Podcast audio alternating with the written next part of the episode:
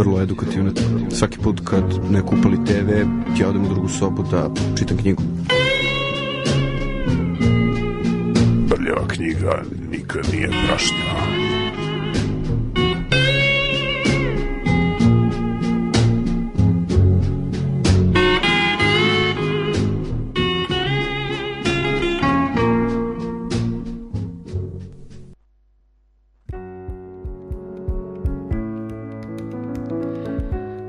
Prljava knjiga nikad nije prašnjava. To je špica sa kojom počinjemo rubriku, odnosno sada već emisiju Jedan pisac, jedna knjiga, poseban segment Radio Galaksije koji je posvećen knjigama i piscima u kojima kad neko upali TV, mi odemo u drugu sobu da čitamo knjigu. Um, dobrodošli, dobro veče u novi termin Radio Galaksije od 22.00 utorkom, a ako nas slušate na svim ovim platformama na kojima možete da nas slušate uh, počev od baze Sprouta, Spotify-a, Apple podcasta, Google podcasta i tako dalje. Dobar dan, dobro jutro, dobro veče kad god nas slušate. Pre nego što počnemo sa emisijom, hvala svima koji slušaju Radio Galaksiju redovno, hvala svima koji slušaju Radio Galaksiju neredovno i hvala posebno svima koji podržavaju Radio Galaksiju na Patreonu i na druge načine. To nam jako znači uh, i to bi bilo to što se tiče ovih uh, uvodnih govorancija. A ova osoba koja se smeje pored mene u mikrofon je naš večerašnji gost Uroš Krčadinac, moj jako dobar prijatelj sa Fakulteta za medije i komunikacije, osoba koja ima obrazovanje i u oblasti digitalnih umetnosti i u oblasti, da kažemo, nauke, a pričamo večeras o jednoj interesantnoj knjizi koja se zove New Dark Age, odnosno Novo mračno doba, autora Jamesa Braiblo. Ćao Uroše. Ćao Dušane, hvala na pozivu, zadovoljstvo mi je da gostujem kod tebe. Ti si drugi put u Radio Galaksiji. Prvi put smo pričali o Bantustanu, odnosno o tvojoj, Lazarovoj i um, Markovoj, Markovoj knjizi, knjizi. Da. U petnici smo to snimali pre jedno 3-4 godine, boga mi, ako se ne varam, ima Pre- tome 4 godine. Možda i više. Da, da, da. Možda i više. Dovoljno vremena prošlo da opet budemo sveži u ovoj emisiji. Pa da. Um, ko je James Bribel? Što si njega odabrao? Ja sam evo da, da, da približim slušalcima, a Uro, Uroš bi mogao se približi mikrofonu. Uh, da ovaj, približim slušalcima, ja sam Uroša zvao da pričamo o knjigama i pitao sam ga koju bi ti knjigu voleo da pomeneš u Radio Galaksiji, koja je na neki način vezana za nauku, a i ne mora da bude. I on je rekao James Bribel New Dark Age bez dvoumljenja. Pa dobro, nije baš bez dvoumljenja, zato što je teško izabrati samo jednu knjigu o kojoj ovaj e, može da se priča ovako. Ali James Bridle mi je bio jedan od najzanimljivijih e, ne samo pisaca, nego i digitalnih umetnika i programera i blizak mi je jer i on kao ja ima prvo obrazovanje u ovaj softverskom inženjerstvu, Mhm. posle je radio kao novinar dugo godina, razne stvari je radio u životu i to je jedno raznovrsno iskustvo koje ovaj prolazi kroz sve što on radi trenutno mi je nekako istovremeno i blisko, a mislim a mislim da je i značajno. Sad možda, možda je to prosto moja neka iskrivljena percepcija zbog profesionalne deformacije, jer su mi sve te teme zanimljive i bliske meni lično, pa mi se čini da su važne, ali evo, razgovarat ćemo o tim temama, pa ćemo ovaj, da vidimo i sa Ali- gledalcima i slušalcima.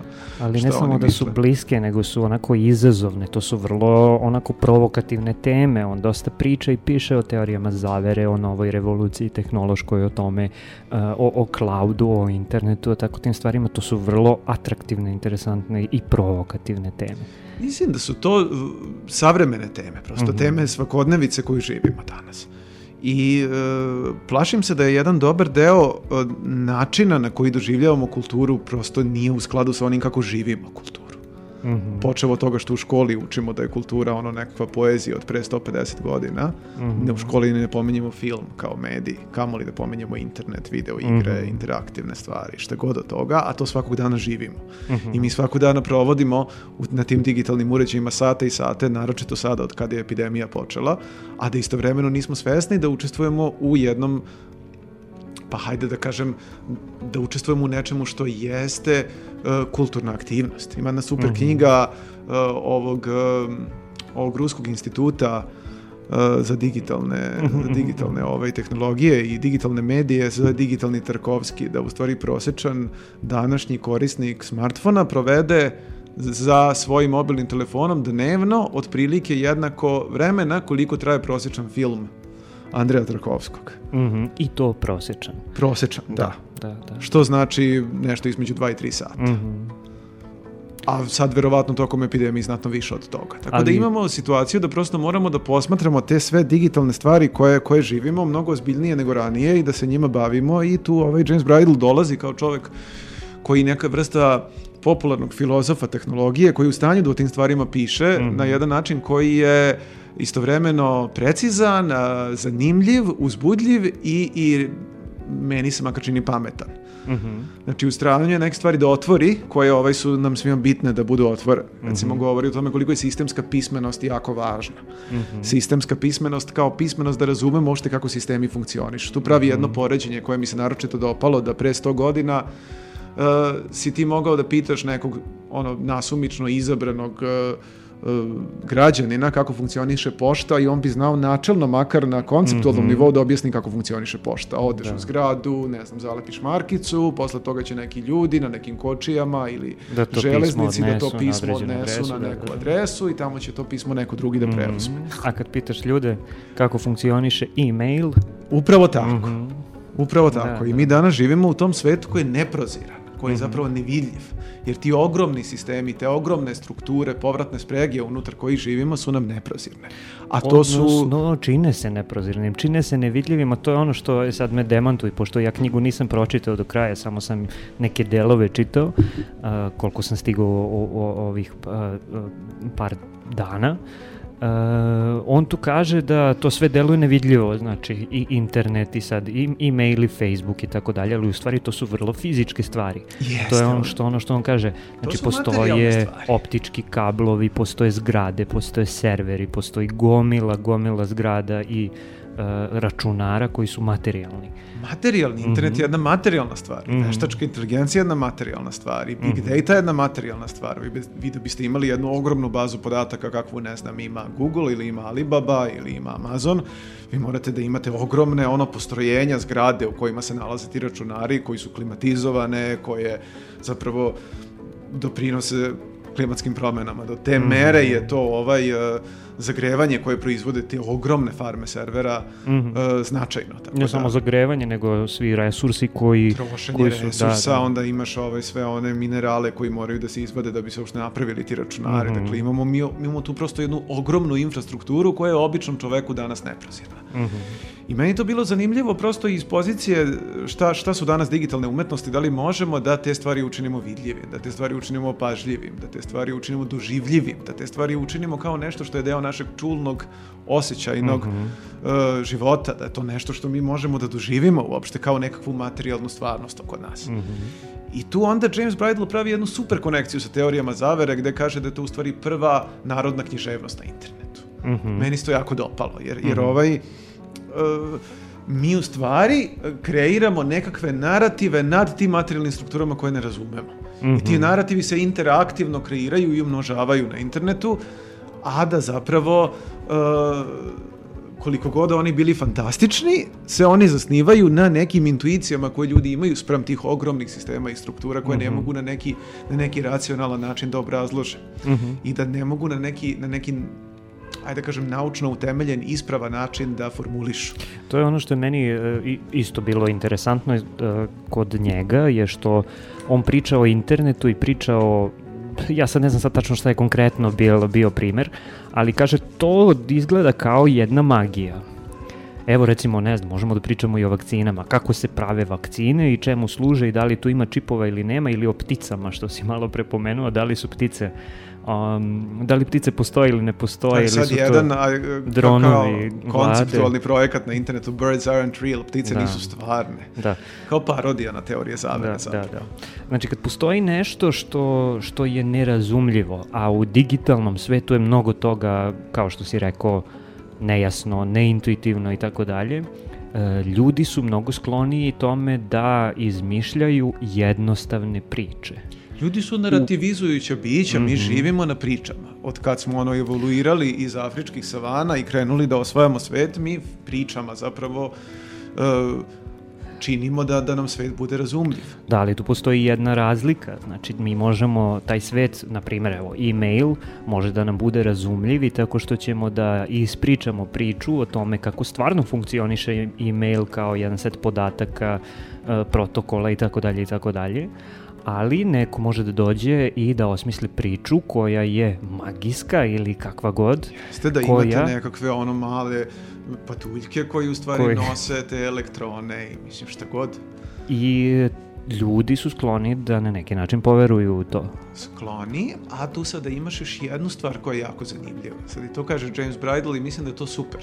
Govori o tome na koji način, recimo, Eskimi i ti narodi dalekog severa u Kanadi i ovaj, uh, Aljasci, uh, na koji način doživljavaju globalno zagrevanje. Dakle, oni zapravo imaju jako puno informacija iz prve ruke o tome šta se dešava tamo. Kao Ili vide recimo je narodi način- na ostrovima, Jest. ostrovskim zemljama, da. I ovaj, oni formulišu nekakve čudne narative od toga koji su vezani za njihove lokalne mitologije, ali zapravo kada ti uzmeš da slušaš njih, oni, oni pružaju jednu nevjerojatno dragocenu mudrost za savremenog čoveka da razume koliko su klimatske promene stvarne i koliko su klimatske promene opasne. Utoliko bi bilo naivno i glupo odbaciti tu vrstu mudrosti. Na sličan način ljudi koji se recimo plaše chemtrailsa, to je jedna od teorije zavere, možda ne znaju svi slušalci, teorije zavere da nas zagađuju iz aviona, tako što je deo kerozina, ne znam, kao su sadrže nekakve, nekakve substance koje onda utiče na naše na naše opažanje, utiče na, hemiju našeg tela i slično. Naravno, radi se o potpunoj budalaštini. Ali istovremeno ta ideja da čovek svojom industrijskom aktivnošću utiče na klimu i u stanju je da kontroliše klimu, kao što veruju ljudi koji veruju u chemtrails i u HARP, zapravo je na jednom intuitivnom nivou tačna.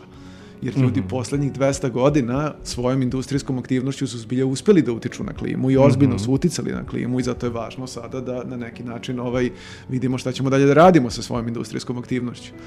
Tako da je meni jako zanimljivo to na koji način mi u stvari nešto što je u osnovi istinita intuicija kroz ove besmislene narative pretvaramo u, u jedan potpuno štetan mehur priča na internetu koji kreće dalje interaktivno da se širi.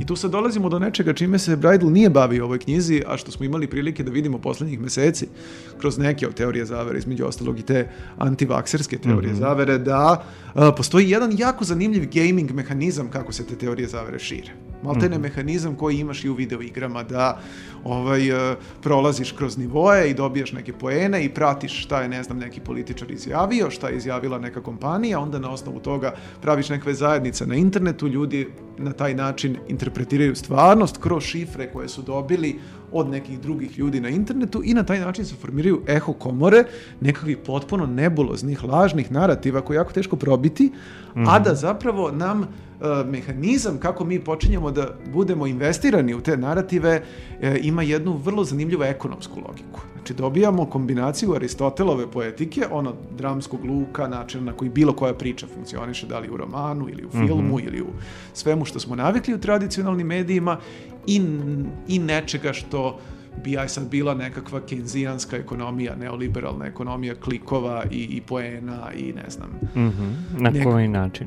na način što prosto jurenjem lajkova na internetu i e, navlačenjem ljudi na određene vrste poena koje skupljaju određenim interpretacijama sadržaja i postovanjem određenih priča na internetu, ti u stvari postaješ ekonomski investiran u priču. Sa ta veza ekonomije i e, poetike, ajde da kažem, je jako, jako zanimljiva. Mislim, će biti sve zanimljivije. Mhm. Postoji još jedna interesantna stvar, a to je, ja bih to nazvao premrežavanje, nisam siguran koliko je to tačan izraz, ali tebi Kako sam... je na engleskom? Uh, ah, ne znam. A, tebi sam...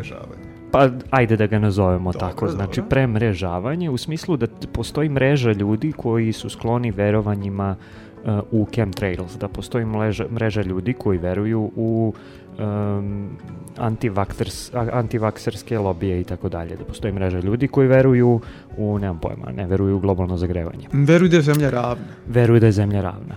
Uh, sadržaj tog tipa, i to sam ti pomenuo, postoji onaj jedan rad u Nature, ne znam da si ga pročitao, gde su e, pre nekoliko meseci u stvari ljudi seli i posmatrali kako se šire grupe, Facebook grupe, e, koje su, imaju antivakserske sadržaje i kako se šire grupe e, koji imaju sadržaje gde lj- ljudi koji pokušavaju da objasne zašto su vakcine jedna civilizacijska tekovina koja je dobra, kako se šire. I ono što je interesantno je da u grupama koje, koje sadrže ljude koji pričaju o vakcinama kao o e, medicinskoj jednoj dobroj stvari, imaš samo te ljude. Da, da, da. I fokus njihovih tema su samo te stvari. Dok u grupama koje su antivakserske imaš ljude koji ne samo da postavljaju antivakserske postove, nego postavljaju i chemtrails postove, i ravna zemlja postove, i e, šta sve ne. Tako da ti imaš premrežavanje interesovanja i sklonosti u, za verovanja u, u razne teorije To je zavere negde kao nekakva... koje automatski ekstremno mnogo širi samu tu zajednicu ljudi koji su zaverolozi. Pa to kao sredovečni muškarci Novog Sada i Donjeg Milanovca Facebook grupa. Kao Kao tu imaš neke ljude koji tu razmenjuju neke informacije u futbalu, izmenjuju razme, neke informacije o što god, neki razonodi i onda u jednom trenutku se to pretvori u jedan potpuno ono leglo antivakseraja. Ali da opet bi se vratio na Braidla i tu priču o kao nekakvoj istinitoj intuiciji koja se onda kroz narodnu književnost interneta pretvori u budalaštinu. Ljudi prosto nemaju poverenja u farmaku industriju koja je zasnovana isključivo na profitu. I izgubili su poverenje u institucije, izgubili su poverenje u uh, uopšte, uh, kako da kažem, sistem znanja koji te institucije nose. I sad u, imate... u državnu, u državno uređenje, u obrazovanje, u obrazovni sistem, znači jako izgubljeno je poverenje u mnogo, mnogo stvari. Jeste, i jako je teško to poverenje vratiti. Mhm. I sad za nekoga ko nema obrazovanje u hemiji, u biomedicini, u tim oblastima koje su značajne, lako je jako da se spadne, ajde da kažem da se to premreži, što ti kažeš, u glavi. Mhm. I da ljudi to povežu na pogrešan način. Znači, jedna stvar je da ti imaš intuitivni osjećaj da ogromnim korporacijama koje rade za interese svojih ono deoničara i ni za koga više ne, bi baš trebalo da imaš poverenja ono slepog, a druga stvar je da zbog toga doneseš sasvim ono konkretnu životnu odluku da se ne vakcinišeš u ovom trenutku. To je izuzetno opasno i ja mogu da kažem evo sad u ovoj emisiji da sam presrećen što se moji roditelji vakcinisali pre nekoliko dana. Ja sam se takođe vakcinisao pre četiri dana i ovaj pozivam sve naše slušaoce da se prijave za masovnu vakcinaciju. Imamo tu vrstu privilegije da sada imamo te vakcine i da možemo da se prijavimo za vakcinaciju i mislim da je od presudne važnosti da se što više ljudi vakciniše i utoliko kad već pričamo o ovim stvarima, to je u stvari tema epistemičke, epistemičkog autoriteta. Možemo to nazvati epistemičkom opresijom. Utoliko sam ja u potpunosti zagovornik epistemičke opresije. Znači, ne mislim da treba da pustimo svakoga da izabere sam za sebe, da li je dobro da se vakciniše ili ne. Protiv sam obavezne vakcinacije u ovom slučaju, jer mislim da bi bila veća dara nego mera. S druge strane sam i protiv onog ravnodušnog, tolerantnog stava da, eto, svako neka izabere za sebe, ja neću da se mešam u tuđe živote. Jest. U ovom trenutku je društveno odgovorno da se mešamo u tuđe živote i kažemo ljudima, znači ne da ih oteramo da se vakcinišu, ali da ih pokušamo da ih privolimo da razmisle da je to prosto ono što je društveno odgovorno, jer ova bolest, epidemija, bilo koja epidemija virusa ne razboljeva pojedince nego celo društvo. I nije dovoljna pojedinačna odgovornost, nego je potrebna i kolektivna odgovornost. Jeste, koji se zasniva na, na nekim e, st- stvarima koje su e, ne samo e, vezane za epistemičke autoritete i epistemičku opresiju, kako si ti to nazvao, odnosno za razumljivost i, percepciju i kognitivno obrađivanje svih tih informacija, nego i za vrlo neka moralna načela koja se temelje na na e, ne samo tome da ti imaš e, zdravu individu, nego da imaš i zdravo društvo i da sprečiš e, probleme koji mogu da... p- Vrlo konkretno, da, možemo da. pričati vrlo konkretno o tome. Znači, ti možeš da budeš asimptomatičan, da prenosiš virus dalje iako tebi nije ništa ni ne znaš da si bolestan. Da, da. Ili možeš da imaš vrlo slabu ovaj, kliničku sliku, da imaš kao neki slabi grip, a da zapravo kao ono što se zove na engleskom super spreader, kao nekav super raspršivač virusa, ideš okolo Mhm. Da i da preneseš virus ono na da. nekoliko stotina ljudi. posebno na nekom slavlju ili utakmici ili nekom koncertu ili nekoj, ne znam, kao drugoj, drugom dešavanju da ima puno ljudi. Dakle, jako je, ovaj, em, jako je važno da se vratimo na to društveno mišljenje da smo u stanju da budemo odgovorni za sebe i za druge i da druge čuvamo od sebe, a ne samo sebe da čuvamo od drugih. I u tom smislu mislim da je jako važno vakcinisati se. Znači, ne samo zato što Mislim, mislim da previše ljudi razmišlja to na nivou da li je to bezbedno za mene. Naravno, da. Ali... A zapravo je za celo društvo daleko manji rizik da se vakciniše nego da se ne vakciniše, a i za pojedinca je daleko manji rizik da se vakciniše nego da se ne vakciniše i tu opet dolazimo do sistemske pismenosti. Jeste, ne mora samo do pojedinac sistemske. da zna kako radi e-mail. E, na svakom nivou, ono tehničkom nivou na kom rade protokoli. Ja sam eto sticajem okolnosti informatičar po struci pa znam neke od tih stvari kako rade. Ali neke od tih stvari su prosto previše složene i nema potrebe da svaki pojedinac zna kako te stvari rade do nivoa ono protokola, ne samo da nema potrebe, nego to jednostavno nije moguće. Nije, Da, da. ali je moguće da ima mentalni model kako to radi. Moguće da na nekom konceptualnom nivou zna šta je internet protokol, šta je baza Mhm. podataka, šta je, uh, ne znam, serverska soba, šta su podzemni prekookeanski kablovi, da zna na koji način sada ja kada šaljem mail ovaj šta se nalazi u tim protokolima i kako to radi, da zna šta je domen, šta je hosting, da zna šta je server, šta je klijent. I utoliko bi voleo da u našem obrazovnom sistemu više pričamo o takvoj vrsti sistemske digitalne pismenosti, ne samo o tehnologiji kao programiranju, kao veštini, kao zanatu, kao tehničkom obrazovanju, nego e, i o nekoj vrsti digitalne humanistike. Ja kad kažem digitalna pismenost, ja ne mislim da u osnovnoj školi ono, ne znam, klinci uče Word i Excel, kako, kako funkcioniš, to će naučiti sami, nego da razumeju ove stvari, na konceptualnom nivou šta u stvari znači da si ti deo užasno složenih sistema i struktura. Zašto je to važno za kulturu, književnost, umetnost, sve ove stvari kojih se dotičemo ovde? Pa evo sad možemo da vidimo e, da je i dalje jedna od najvažnijih tema u našoj književnosti srpski mentalitet. Mi dalje pričamo o mentalitetu u 2021. godini.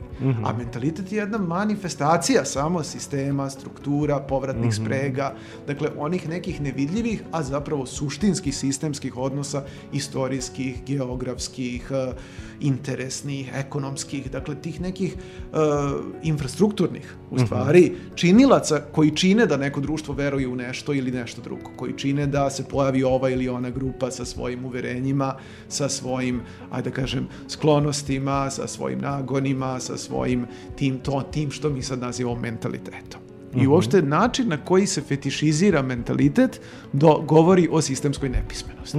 Mi kad bismo bili sistemski pismeni, kad bismo bili u stanju da prepoznajemo strukture, a ne da razmišljamo na nivou ono vrline, ovo je dobar čovek, ovo je zao, pa da idealizujemo neke ljude, da demonizujemo neke druge, onda bismo bili u stanju da vidimo koliko su zapravo te strukture kao tektonske ploče, kao morske struje.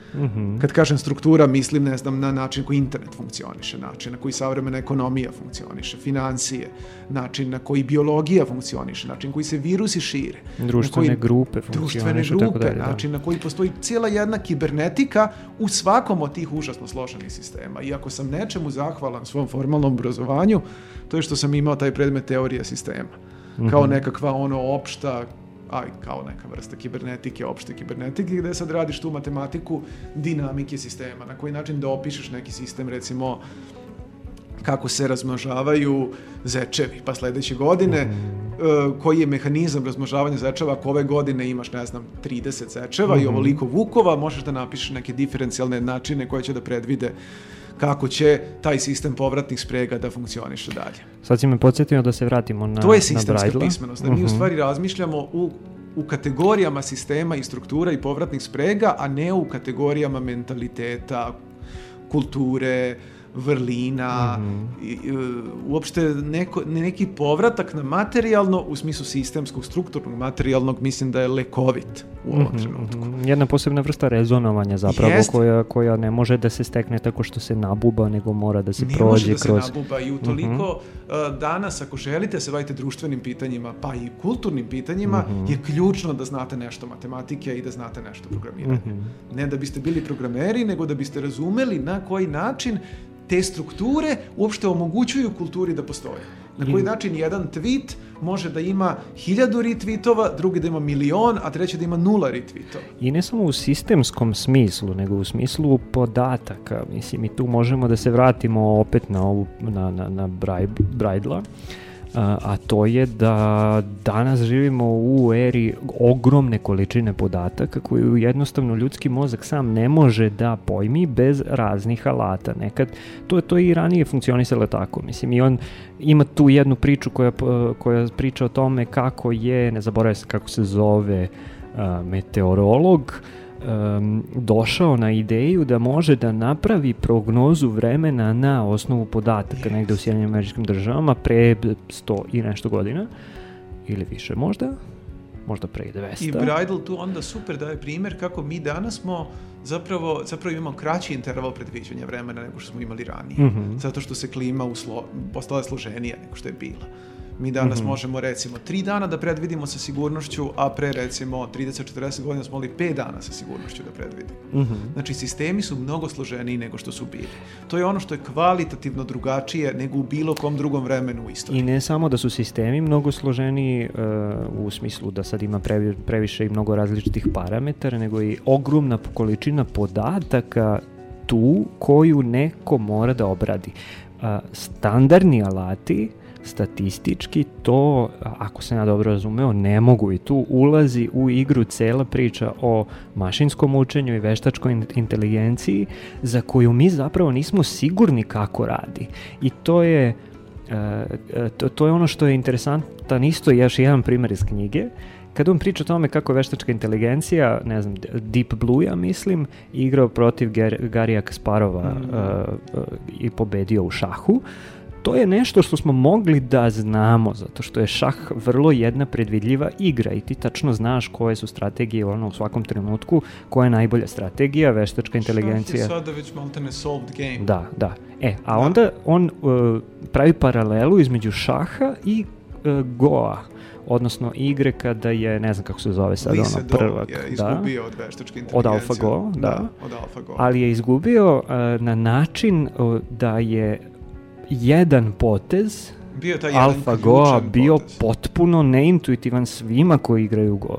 I svi su bili u fazonu, ok, zašto je veštačka inteligencija sad odigrala ovaj ludi potez? Ispostavilo se da je zbog tog poteza potpuno potukla a, ljudskog igrača i sama drugačija struktura igre jednostavno nije mogla da se nije mogla da da objašnjenje koje koje je tako intuitivno i jednostavno kao što je šah. I e, to, to su ono složenosti veštačke inteligencije, ali kada veštačku inteligenciju primenjujemo na gomilu podataka i pokušamo da nađemo modele koji opisuju nešto, recimo meteorološke a, prilike i tako dalje, mi ne znamo šta veštačka inteligencija uradi pa do, nađe i kaže evo ovo je jedan, ovo je najbolji model, to je taj model koji opisuje Ona neku meteorološku. obrazce i onda u tim obrazcima mogu da budu ovaj i suvisli obrazci i nesuvisli obrazci. Ali hajde da prvo pokušamo da našim slušalcima demistifikujemo taj termin veštačka inteligencija, Mhm. jer se plašim da je taj termin postao Mhm. onako baš, baš zlorabljen.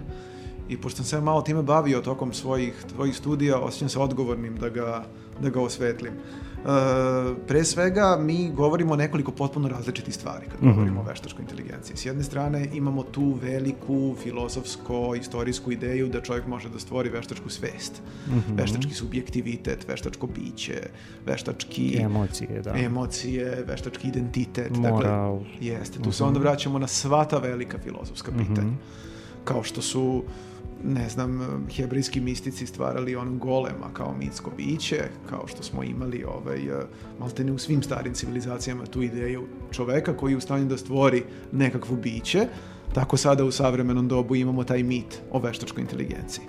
Mi, i to je vrlo važno odmah da kažemo, nismo tome ni blizu, niti išta od ovoga što trenutno postoji je takva vrsta veštačke inteligencije. Dakle, ona je i dalje na nivou filozofske špekulacije, To je ono što zovemo sentient AI, odnosno samosvesna Ili veštačka- strong AI. Strong AI, kao ok. jaka veštačka Mhm. inteligencija. Ono što mi sada imamo je ono što se zove weak AI ili slaba veštačka inteligencija, odnosno imamo mogućnost da nekakvim vrlo precizno definisanim matematičkim i statističkim tehnikama kao što je recimo ta mašina koja igra šah, uh, rešimo neke konkretne, vrlo usko, precizno definisane probleme kao što je igranje šaha.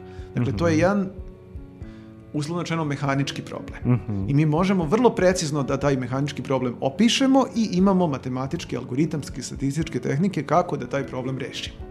I sad mašina koja je u stanju to da reši, ona zapravo tu sabira neke brojeve, obraća nule i jedinice i ovaj u stanju je da taj jedan vrlo precizno, strogo, matematički, usko definisan problem reši. On ništa izvan toga ne zna. Zato što jednostavno postoji ogroman resurs serverski, ono procesorski koji može toliku količinu informacija da jako brzo obradi Jeste. uh, što jednostavno ljudski Čovek ne mozak može. ne može da. I tu dolazimo zapravo do onoga što mislim da je ključno za sve ove priče o Go-u i šahu i slično, a to je ovaj pro, pretraživanje prostora mogućnosti. Prosto mašina mnogo brže od čoveka može da pretražuje prostor mogućnosti. Šta je protor, prostor mogućnosti? Koje sve poteze ja sada u šahu mogu da odigram? Mhm. I koji je najoptimalniji, najbolji koji će dovesti do toga da ja pobedim? Tako je. Znači, koji je najbolji u, u odnosu na neku vrlo precizno definisanu funkciju optimalnosti.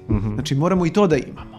Što uglavnom u životu nemamo, kada su, ne znam, ljubavni odnosi u pitanju, kada su diplomatski odnosi u pitanju, kada su etički, etička pitanja. Znači, za sve te stvari mi to nemamo i to je vrlo važno. Znači, ljudska kreativnost je i dalje presudna i ključna. Ono što mašina može da nam da i što mislim da je jako važno da se saživimo sa tom idejom da od mašina to i očekujemo i da tražimo od mašina svakodnevno, je da nam da tu mogućnost pretraživanja ogromnih, nesagledivo velikih prostora mogućnosti. To je ono u Go-u što se desi. Znači Go je mnogo složeniji igrao šaha, ima mnogo više mogućnosti. I sad razvija se tokom uh, prosto ljudski mozak nije u stanju da sve te mogućnosti sagleda i onda je prosto u kulturi razvoja igre Go su ljudi nekakve strategije i taktike razvijali. Međutim, računar može da pretraži sve to odjednom i toga ima milijarde, milijardi, milijarde, znači to su brojevi koji mi ne možemo ni da zamislimo. I jako brzo možete da prođe kroz sve te uh, I različite da vrste mapira da, mogućnosti i da ih različite mapira. strategije, da mapira različite putanje, da. Jeste, i tu ovaj onda čovek zapravo dobije jednu novu vrstu kreativnosti. I mislim da je to lepo Kasparov upravo koga si pomenuo otvorio kad je ovaj govorio o kentaurskom šahu. On je u stvari posle, nakon što je izgubio, izmislio taj kentaurski šah kao varijantu šaha gde sad recimo nas dvojica igramo šah i da ti imaš kompjuter pored sebe, ja imam kompjuter pored sebe, ja koristim kompjuter da mi predvidi sve moguće poteze, ti koristiš kompjuter da predvidi sve moguće poteze i igramo na taj način ti i ja jedan protiv drugog. Odnosno, kentaursko biće, mašina i ti, protiv drugog kentaurskog bića, mašina i ja. I sad meni se čini da će to zapravo da bude budućnost bilo kakvog e, intelektualnog, kreativnog i bilo kakvog rada. Da mi koristimo te mašine u što je moguće većoj meri da bi pretražile prostore mogućnosti, a da sami pokušavamo ono što od njih dobijemo da rekontekstualiz- re- rekontekstualizujemo, promenimo, upotrebimo na neki neočekivan način, e, stavimo e, onako kako naš protivnik ili naš saradnik ne očekuje. Uopšte ta neka ideja da mašine, da se mašina ne treba ni plašiti, a da ih ne treba ni obožavati. Znači, bez tehnofobije i bez tehnofetišizma da ih koristimo. Kao alat, kao medij, kao nešto što može da nam izuzetno pomogne, bez čega će zapravo biti nemoguće živeti, ali da istovremeno ne upadnemo u tu zamku tehnofetišizma, mora moje dete od četiri godine da nauči da programira odmah. Što isto tako vidim da se dešava sve više. To je takođe deo te sistemske pismenosti, da ti znaš zašta mašina može da ti pomogne, da ne lupaš glavu time, nego da razmišljaš kreativno na jednom meta nivou, kako da to što ti je mašina dala sklopiš u jednu novu konfiguraciju.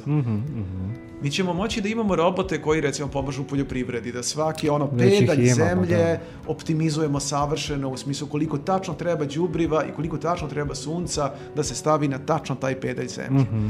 I tu će neuralne mreže da otvore ono ogromno, ogromno polje. U medicini će takođe da otvore ogromno polje. Već otvaraju. Ali da bi mi kao ljudi sačuvali sposobnost da se u takvom svetu uopšte kognitivno snalazimo, da imamo mentalne modele šta se tu dešava, moramo da naučimo kako da uopšte te modele gradimo i kako da te tehnologije koristimo na ovaj način o kome sad pričam.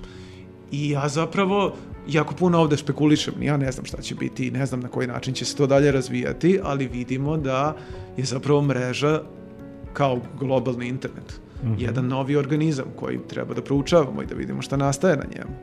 I umesto što smo vezani za te stare neke ono mitske kategorije, kao što je to, ne znam, mentalitet, istorija, šta god, Identitet. naročito mentalitet, to mi je sad nekako baš, imam pik na tu reč mentalitet, treba zapravo da razmišljamo mnogo više sistemski, na koji način kada ovde sa jedne strane imate puno vodene pare, to znači da ćete onda negde u nekom trenutku u budućnosti sigurno imati više kiše ili ćete imati neke rečne slivove.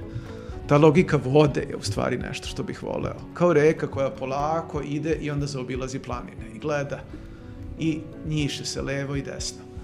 Ne može da promeni konfiguraciju terena, ali e, mora da prati konfiguraciju terena, ali iz pozicije reke možete da, da razmišljate o tom terenu i na koji način strukturno na vas koji ste voda utiče cela ta struktura kroz koju prolazite. Mm -hmm. Tom Waits Rain Dogs.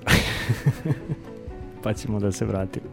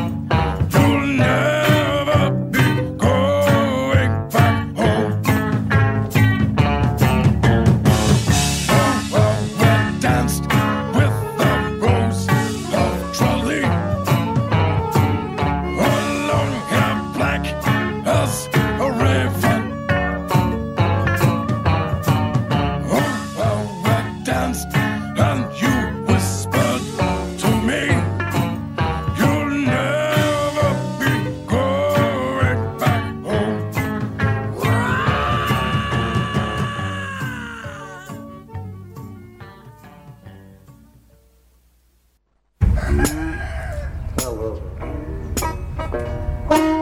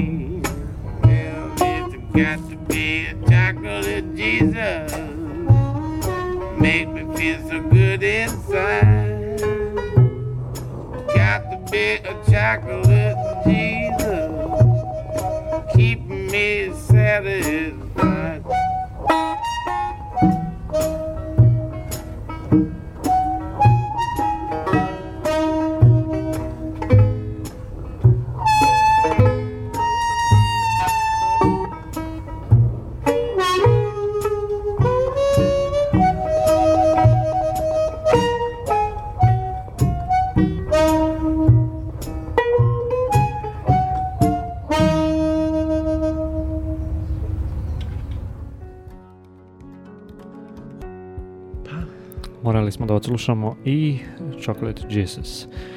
Um, imamo još nekih eh, 10-15 minuta do kraja emisije, a pošto smo o mnogim stvarima pričali u Rošija, tako umemo da, a, da izdivergiramo u razne teme. Um, ajde da se vratimo na knjigu. Znači, knjiga se zove New Dark Age, novo mračno doba, tehnologija i kraj budućnosti. Pa Zašto? ja mislim da je to provokativan naslov koji služi da privuče čitaoce. Mhm, Zapravo Bridle tu otvara mnoge stvari. mhm. I ja lično nisam, e, nisam pesimista, a nisam ni optimist. Mislim, ajde da kažem, kratkoročni sam pesimista, dugoročni sam optimista. Mislim da jako Mhm. mnogo stvari će da se otvori. Jedna od dobrih stvari ove pandemije je što mislim da će istraživanje u biomedicini da eksplodiraju u Mhm. narednih deset godina.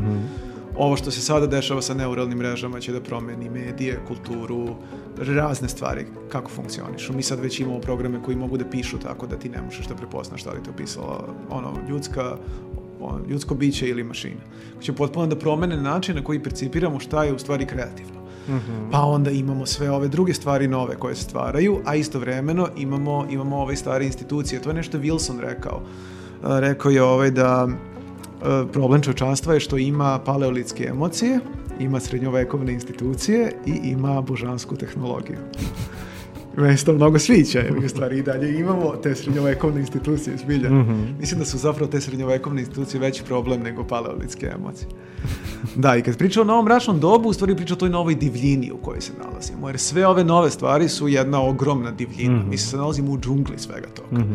I sad je prosto potrebno razviti nove instinkte za tu džunglu. Kako u toj džungli da sad prepoznamo gde je tigar, kako da u toj džungli prepoznamo gde je izvor vode, kako da u toj džungli prepoznamo koji cvet je lekovit. I na neki način smo ponovo pećinski ljudi, samo što nismo u situaciji kao u paleolitu, nego smo u situaciji da smo okruženi sa gomilom izuzetno razvijene tehnologije, ali istovremeno nemamo institucije kako da artikulišemo tu tehnologiju. Koju smo sami stvorili. Jeste. Mhm.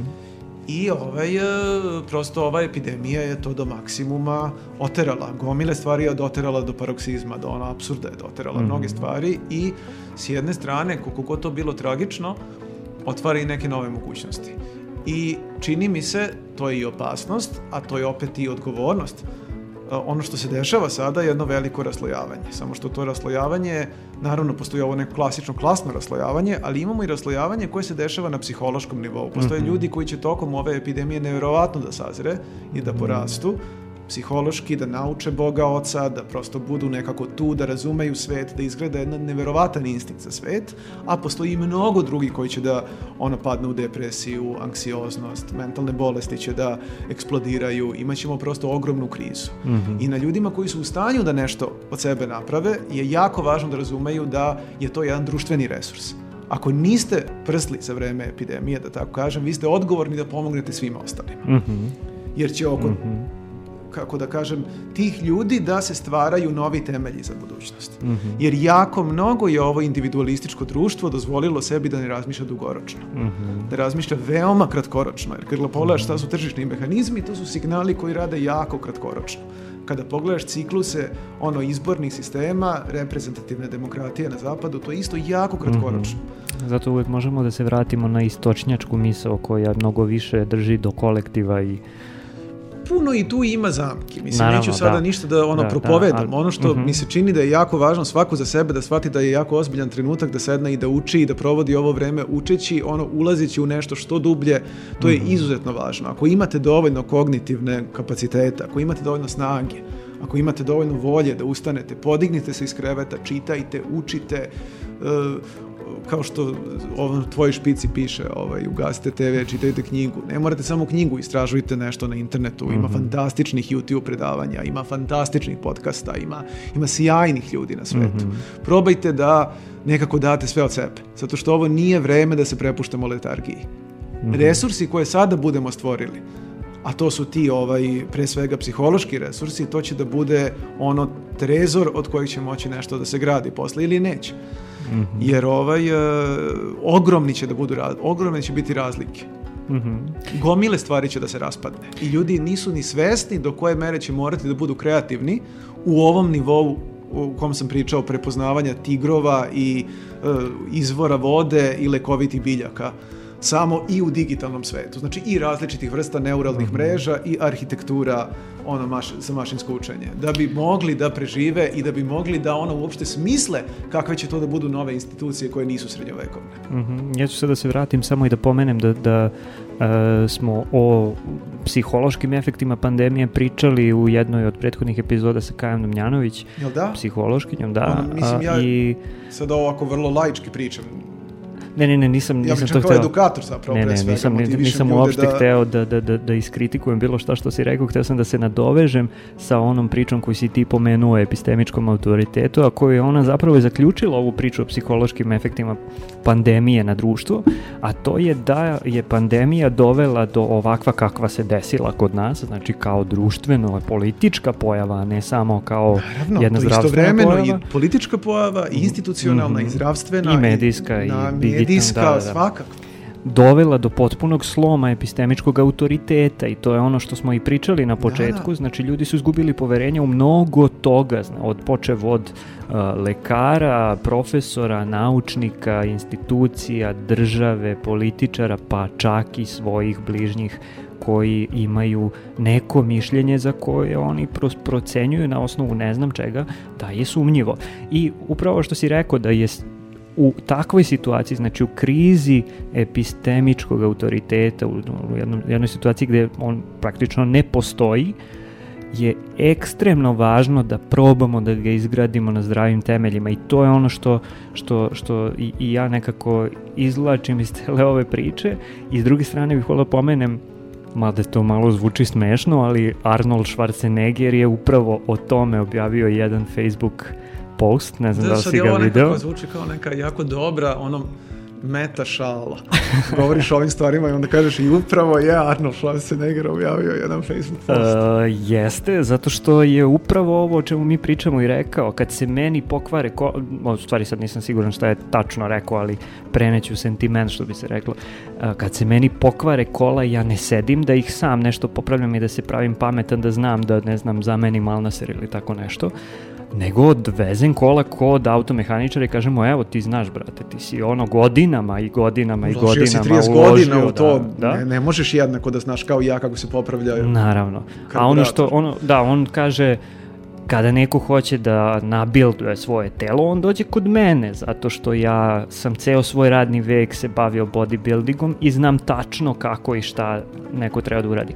Kada su u pitanju vakcine i zdravstvo u kom god smislu, znači bilo koji, ako s jedne strane vakcina, s druge strane bilo koji lek, ti ne možeš da samo tako kažeš, e, ja ne verujem ovom lekaru, sad ću ja nešto svoje da Ali smislim tu i opet tako vidiš dalje. metastazu slobodnog tržišta. Jer kada imaš sistem u kojem e, se reklamiraju lekovi i suplementi, gde ti vidiš na svakom ćošku reklame za nekakve ono antigrip, gluposti, tablete, ne znam ni ja Mhm. kakve sve suplemente, ti vidiš koji je to problem. Zato što ne mogu ja koji ništa ne znam u suplementima da donesem odluku da li je to dobro za mene ili nije.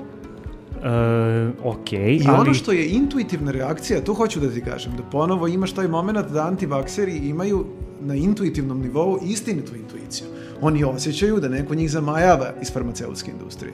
Odnosno, zamajava ih ceo taj sistem da vi uopšte možete da reklamirate lekove. Ideja lekova koji se reklamiraju je potpuno bolesna. Naravno, Jer ali... ja ne mogu za sebe da izaberem lek samim tim što ja nemam znanje potrebno da znam kako će taj lek da deluje na mene. Da, to je dobra poenta, znači... I nije dovoljno što je meni neki lek, ne Reklame znam, automatski u stvari pružaju prostor i daju, stavljaju te u prostor izbora. lažni prostor, to je Mhm, lažna mhm. sloboda. I tu mogu, možemo zapravo da se vratimo na tu priču o nekom, aj kažem, ravnopravnosti mišljenja. To je Mhm. negde i problem Mislim, naravno, to sve je problem neoliberalizma, ali Ma to je povezano u teoriji, naravno, i sa, sa nekvim postmodernim relativizacijama. Pa da, Da ali je ja ću svako biti... mišljenje na neki način jednakopravno drugo. Pa nije, naravno, i ne postoji demokratija u nauci, ne postoji demokratija u tom smislu. Uh, Evo jedne super jednostavno, ne, moj glas i glas nekog Izvini. lekara koji se bavi imunologijom i vakcinama ne može da bude jednak priče. A onda opet nikako imaš kad masu su vakcine zdravstvenih u radnika pitanju. koji su antivakseri. Ali koji ovaj, uh, To je veliki- potpuno druge To, je, to, to mi je velika misterija, stvarno i dalje. I ogroman ono, a, o- ogroman argument. potreba za magijskim mišljenjem. Ali ima puno toga tu još. Kad sam bio u osnovnoj školi, hoću ovo da ispričam, ne znam ovaj, da li ima vremena, koliko još imamo vremena? Imamo vremena, još pet minuta. Moja učiteljica ovaj, je bila malo slabija iz matematike. Mhm. Bila draga jedna žena, ali recimo da, to. da se nije baš ubila od znanja matematike. I dala nam je, mislim da bio treći, četvrti razred, dala nam je jedan problemski zadatak koji smo pola razreda ga nije rešilo uopšte, jedna Mhm. polovina, druga polovina razreda dobila jedan rezultat, a prijatelj i ja smo dobili drugi rezultat. I ona, pošto nije znala koji rezultat pravi, onda je ona pitala da mi glasamo. I sad velika većina je glasala za ovaj rezultat koji zapravo nije bio dobar, Mhm. A nas dvojica koji smo imali taj alternativni rezultat, pošto smo bili u ogromnoj manjini, dvotrećin, ono, nije ni dvotrećinska manjina, baš smo bili u temeljnoj manjini, Da. mi smo prosto pokunjeni otišli svojim kućama i onda sam Sa ja tati pokazao taj zadatak i on je potpuno ovaj se iznervirao čovjek kad je shvatio da to u stvari Mhm. tačan rezultat, otišao posle razgovarao s učiteljicom i tako dalje. Mhm. Ali hoću da kažem koliko je zapravo e, opasna ta ideja da ne postoji epistemički autoritet, odnosno da je svaki epistemički autoritet automatski i opresija koja je zla. Mhm.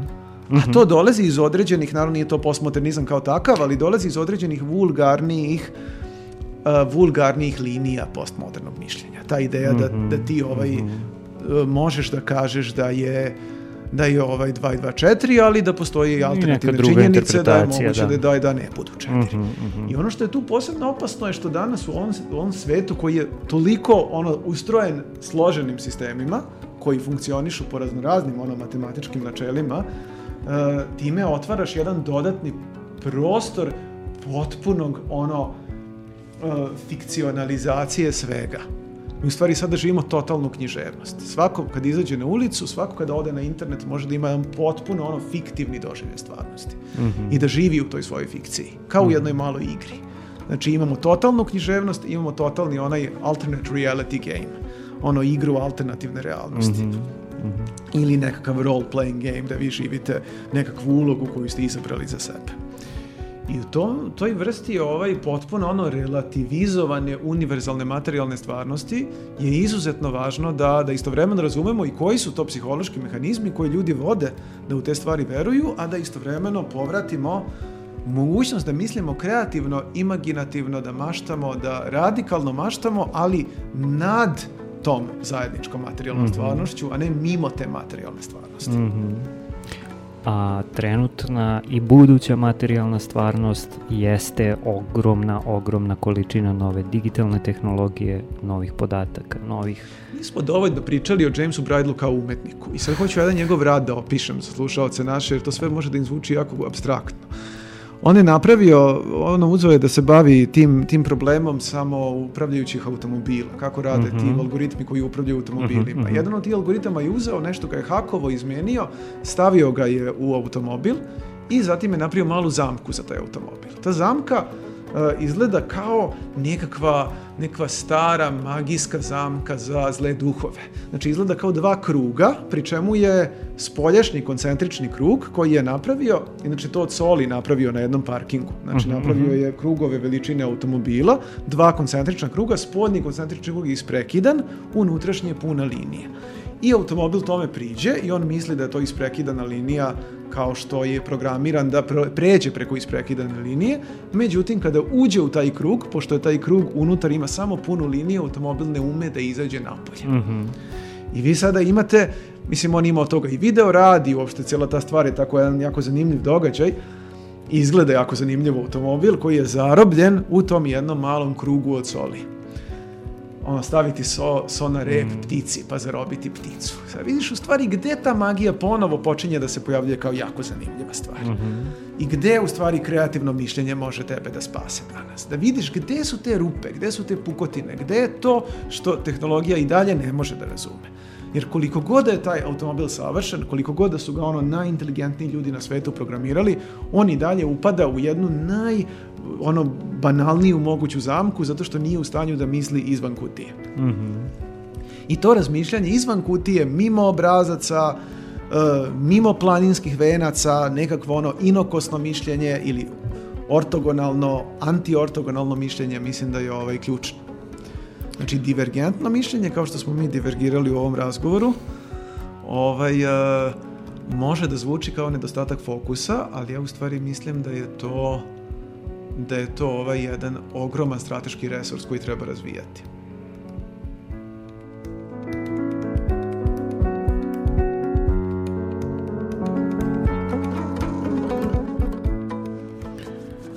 Došli smo do kraja emisije, a kao što i inače imamo običaj, e, čitamo odlomak iz knjige.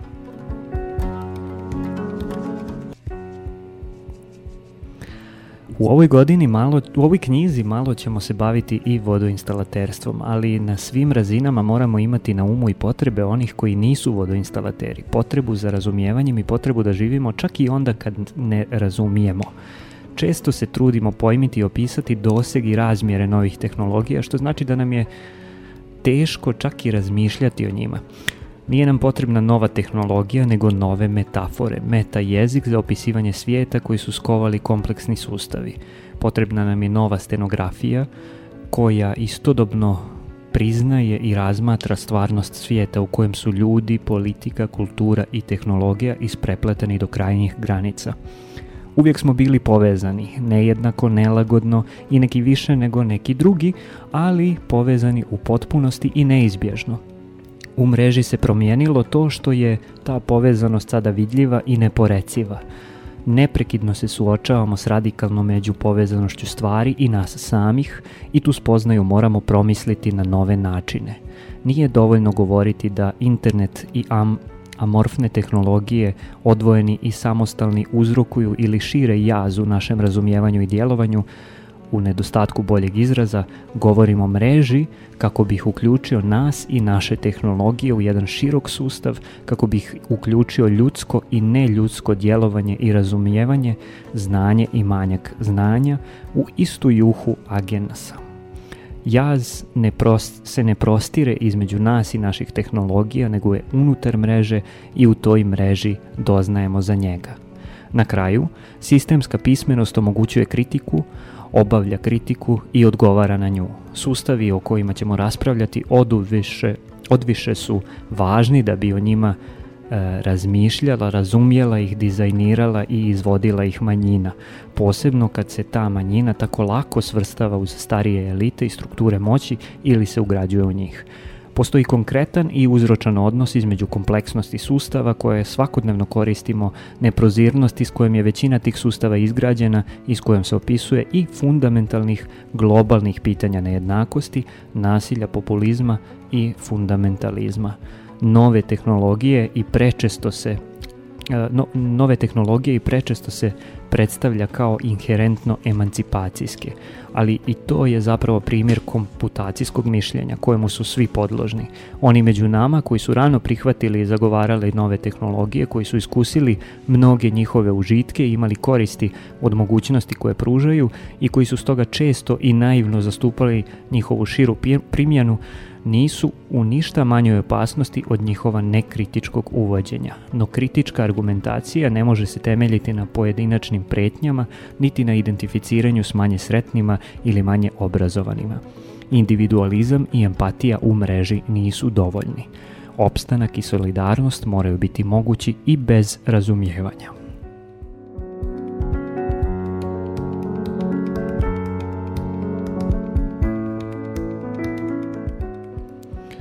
Ovo je bilo iz uvoda hrvatskog izdanja koje se zove Novo mračno doba. Uh, Uroš i ja smo shvatili i uh, složili se da je zapravo ipak možda bolje da uh, se, ako ste familijarni sa engleskim jezikom, čitate ovu knjigu na engleskom, začinju Dark Age, a uh, Novo Kako mračno god, doba... Ko hoće, šta Mhm, god je kome zgodnije. mhm. Ja nekako volim da kad god mogu da pročitam neku knjigu na originalu, kad znam jezik originala da čitam na originalu, Mhm. ali možda će neko više prijati da... Ono što sam teo da kažem je da sam u najavi na društvenim mrežama ovaj, najavio da ćemo Mhm. pričati i o knjigama na, koje smo, na, na kojima smo prošle godine radili, moja koleginica Darija Medić i ja, ali nemamo sa vremena za to Mhm. i neki drugi put ćemo onda ovaj, da pričamo o tome. Kaži o ko- koje su knjige u pitanju sad si, ono, Pitanju cliffhanger postavi. Pa, cliffhanger, to je Da. jedan od I mene, stavio. I mene stavio u poziciju da moram te zovem sledeće nedelje. Naravno. Koje su knjige u pitanju, U stvarno? pitanju su dve e, kratke knjige koje smo zajedno radili na temu digitalne poetike. Jedna se zove taktička poetika, jedna optimizovana poetika. Knjige su Mhm. na engleskom i ovaj, e, slobodno su licencirane, otvoreno koda su, uskoro ću ih objaviti na svom sajtu. Mhm. Pravit ćemo verovatno i nekve događaje povodom njih, tako da će biti već prilike da ovaj, se naši slušalci sa njima susretnu i da ih i uzmu, pošto su i fizičke knjige, ne samo digitalne u pitanju, a bavimo se tim problemima kojima smo danas pričali. Kako zapravo kreativno misliti danas kada, kada smo okruženi svim tim tehnologijama. Ti imaš ovaj naziv ove, ove rubrike, jedan pisac, jedna knjiga i sad ta reč pisac ima u našoj kulturi jednu ogromnu težinu Mhm. kao maltene nekakvog ovaj, ono nosioca kolektivnog duha ili šta već sve stoji u, tu re, u toj reči, to je reč koja je prosto nevjerovatno nabijena značenjem. A ja bih voleo da je relaksiram, da je neko doživljavamo kao, kao proizvođača teksta. Mhm. Prosto pisac je neko ko piše, a šta je pisanje? Pisanje je proces proizvodnje teksta. Ako svedemo to na taj jedan ovaj, e, na tu jednu mate, materialističku, materijalnu osnovu, onda će nam lakše biti da razumemo šta je zapravo proizvodnja teksta u digitalnom, Mhm. digitalnom ovaj, e, dobu. I na internetu šta je proizvodnja teksta, šta je čitanje, šta je pisanje, šta je ovaj, usvajanje ideja, šta je usvajanje mema, šta je digitalna metafora, šta su sve te stvari. Mhm. Eto, o tome se bavimo u knjigama, ali bit će, bit će vremena da pričamo. Nova vrsta jezika zapravo.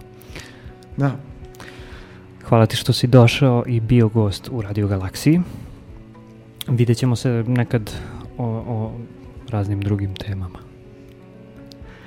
Hvala Dušan. Ja na kraju pozivam uh, slušalce Radio Galaksije da nas prate, slušaju i dalje i da uh, nas podrže na Patreonu. Sve linkove možete naći na našim društvenim mrežama, samo kucajte Radio Galaksija.